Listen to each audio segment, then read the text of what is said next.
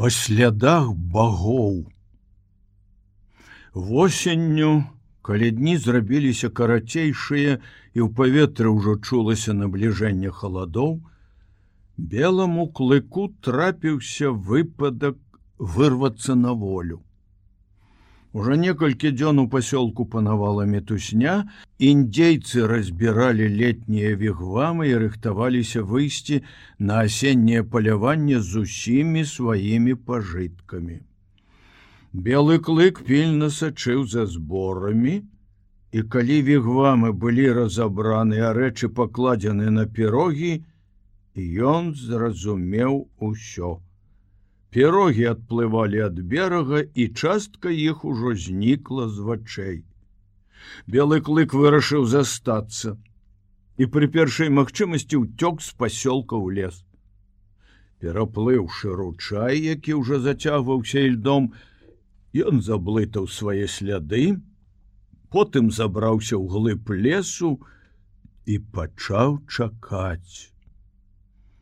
Час ішоў, Ён паспеў некалькі разоў заснуць, прачнуцца, зноў заснуць. Яго разбудзіў голас шэрага бобра, які клікаў яго. Чуліся і іншыя галасы. Белы клык адрозніў голас жонкі гаспадара, якая прымала ўдзел у пошуках і мітца сына шэрага бобра.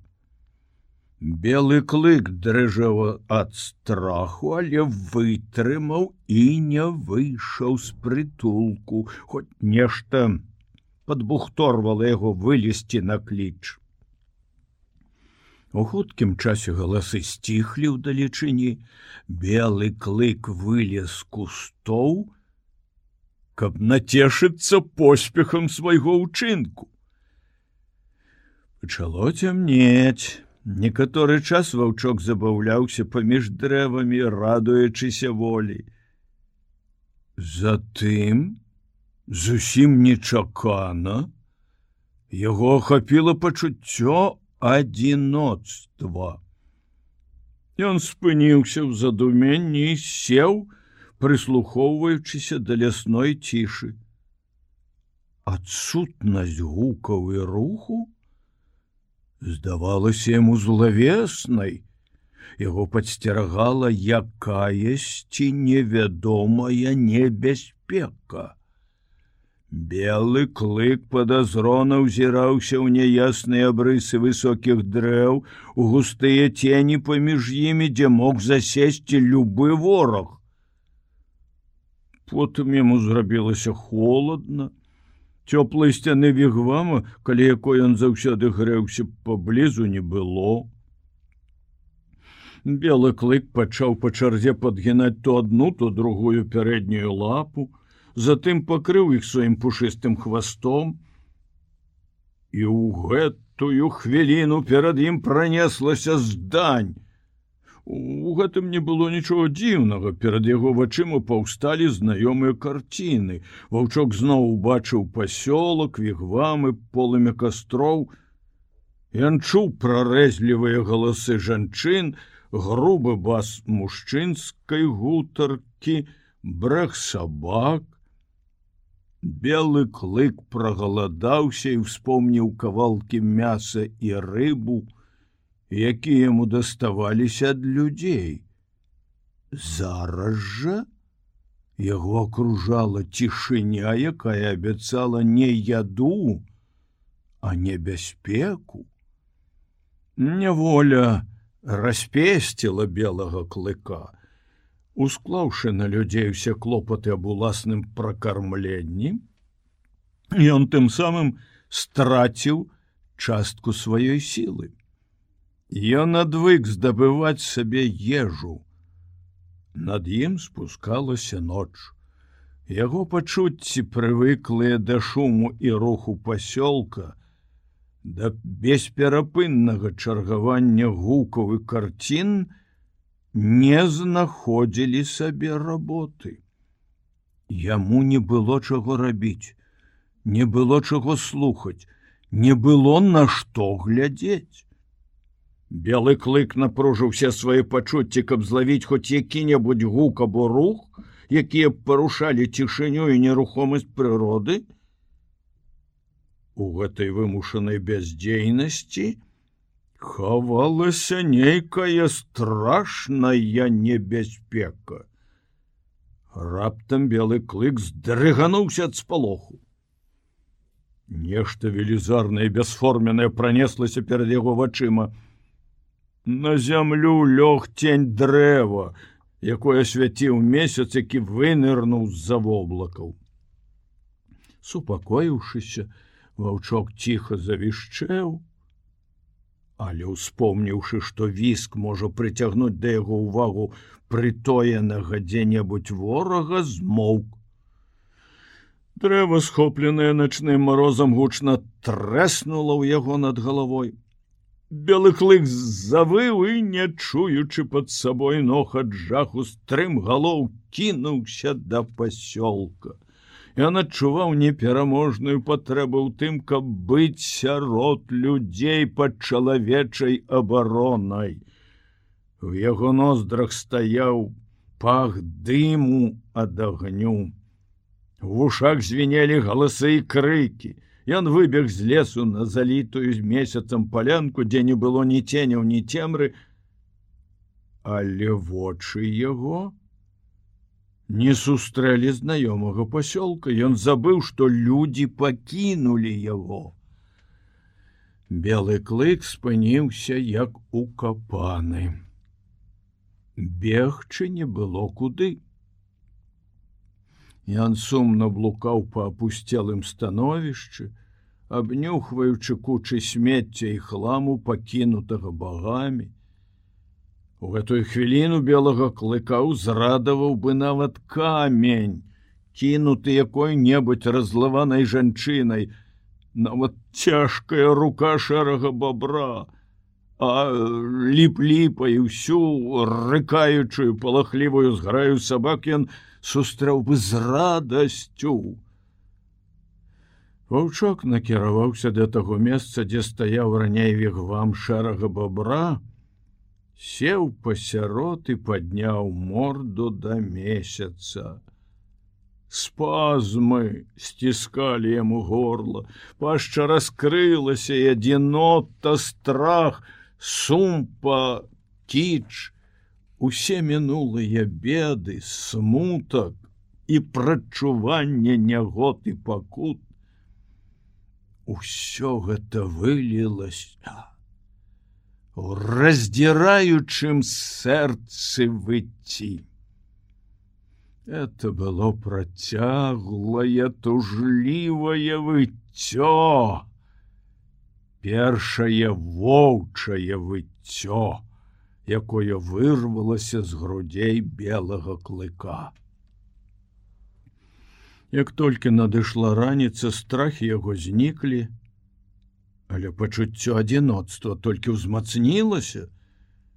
Выгляд пакінутага стойбішча, у якім яшчэ не так, ну так нядаўна кіпела жыццё, наводзіў сум на белага клыка.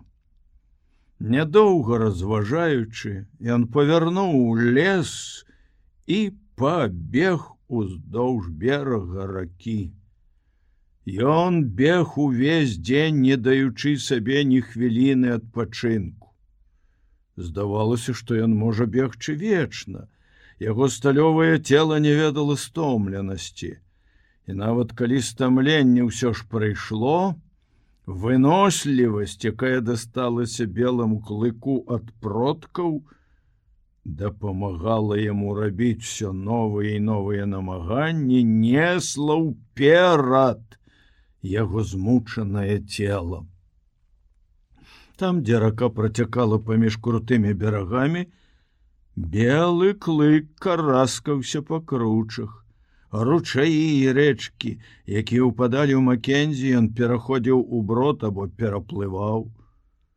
Часта яму даводзілася бегчы па вузкай кромцы лёду на мерзлай каля берага. Тонкі лёд ламаўся белы клык, ледзь выбіраўся з ледзяной вады, І ён увесь гэты час чакаў, што вось-вось натрапіць на след багоў, якія маглі прыстаць да берага і накіравацца ў глыб краіны. Па розуму белы клык стаяў вышэй, чым многія з прадстаўнікоў яго пароды. І ўсё ж думка аб другім беразе ракі Маккензі, не прыходзіла яму ў галаву. Што калі след багоў выйдзе на той бок, Аб гэтым і не падумаў. Магчыма, пазней, калі белы клык набраўся б вопыту в вандраваннях, паразумнеў і бліжэй пазнаёміўся б з рэкамі і слядамі, ён і дапусціў бы гэтую мажлівасць. Такая спеласць чакала яго ў будучым. Зараз ён бег наўгад, прымаючы пад увагу толькі адзін бераг Макензі. Белы клык бег усю ноч, натыкаючыся ў цемнаце на перашкоды і загароды, якія запавольвалі яго бег, але не адбівалі ахвоты рухацца далей. У сярэдзіне другога дня пасля 30 гадзін безупыннага бегу яго жалезныя мускулы пачалі слабець. Белага клыка падтрымлівала толькі напружанне волі. Ён нічога не я ўжо на працягу 40 гадзін і зусім знясіліў ад голаду адбіваліся на ім і няспынныя апусканні ў ледзяную ваду. Яго поўсць была ўся ў гразі, шырокія падушки на лапах разбіліся ў кроў. Ён пачаў кульгаць спачатку крыху, потым все больш і больш, у дадатак да ўсяго неба нахмурылася, пайшоў снег, мокры талы снег, Ён прыліпаў да лап белага клыка, якія раз'язджаліся, засыпаўся навакольнае і няроўнасці глебы, робячы дарогу яшчэ больш цяжкай і больш пакутнай. У гэтую ноч шэры бабёр вырашыў зрабіць прывал на далёкім беразе ракі Маккензі, Таму што дарога да месцаў палявання ішла ў тым кірунку. Але незадоўга да цемнаты клуб куч жонка шэрага бабра заўважыла на бліжэйшым беразе лася, які падышоў да ракі напіцца. І вось, калі б не падышоў лось да берага, калі б не збіўся міца, с правільнай дарогі за снегу, клу куч не заўважыла плася, шэры бабёр не забіў бы яго меткім выстрелам з ружжа, Усе далейшыя падзеі склаліся б зусім інакш. Шэры бабёр не зрабіў бы прывалу на бліжэйшым беразе Макензі, а белы клык прыбег пробегши мимо або загінуў бы або трапіў да сваіх дзікіх суродзічаў і застаўся б ваўком до конца дзён. Надышла ноч снег паваліў яшчэ больш белы клык спатыкаўся кульгаў тихо павіскваў і натрапіў на свежий след Гэты след быў настолькі свежы, што белы клык адразу пазнаў яго. Заскуголіўшы ад нецярплівасці, ён павярнуў назад і кінуўся ў лес, да вушэй яго данесліся знаёмыя гукі чалавечай стаянкі. Ён убачыў полымя агню, клукуч, якая была занята гатаваннем ежы, шэрага бабра, які прысеў на кукішкі і жаваў кавалак сырога сала. У людзей было свежае мяса.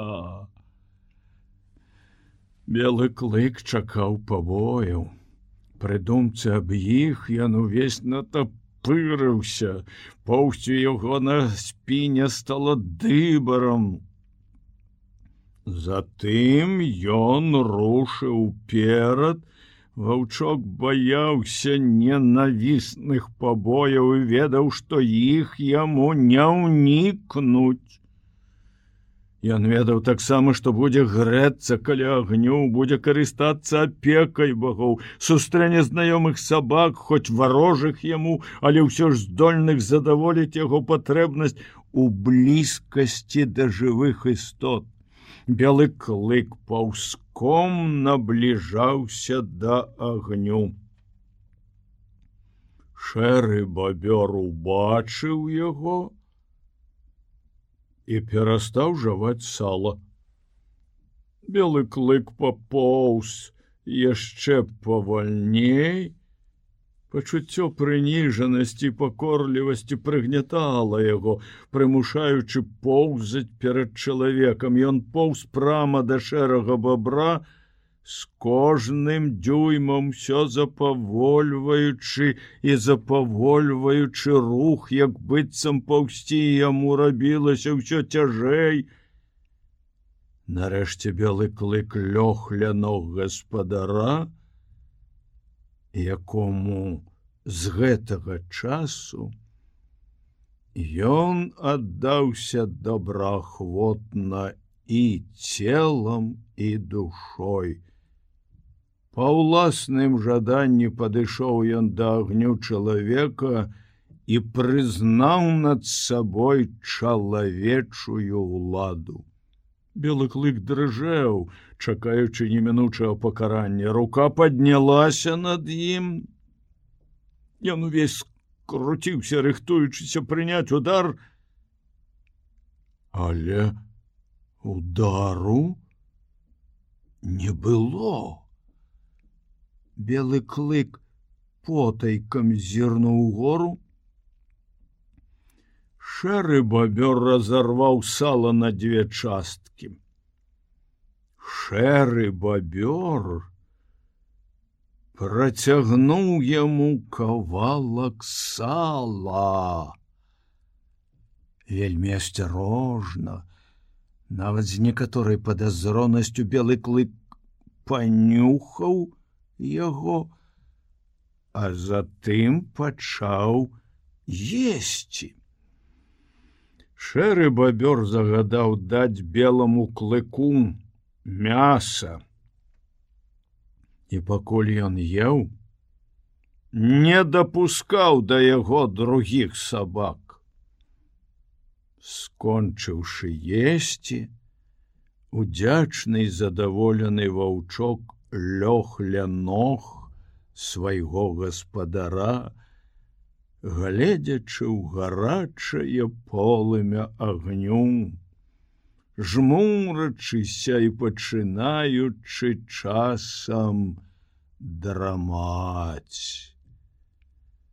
Ён ведаў, што раніца напаткае яго не ў змрочным лесе, не ў адзіноцтве, а ў пасёлку людзей сярод багоў якім ён аддаў сяго сябе і ад волі якіх цяпер залежаў.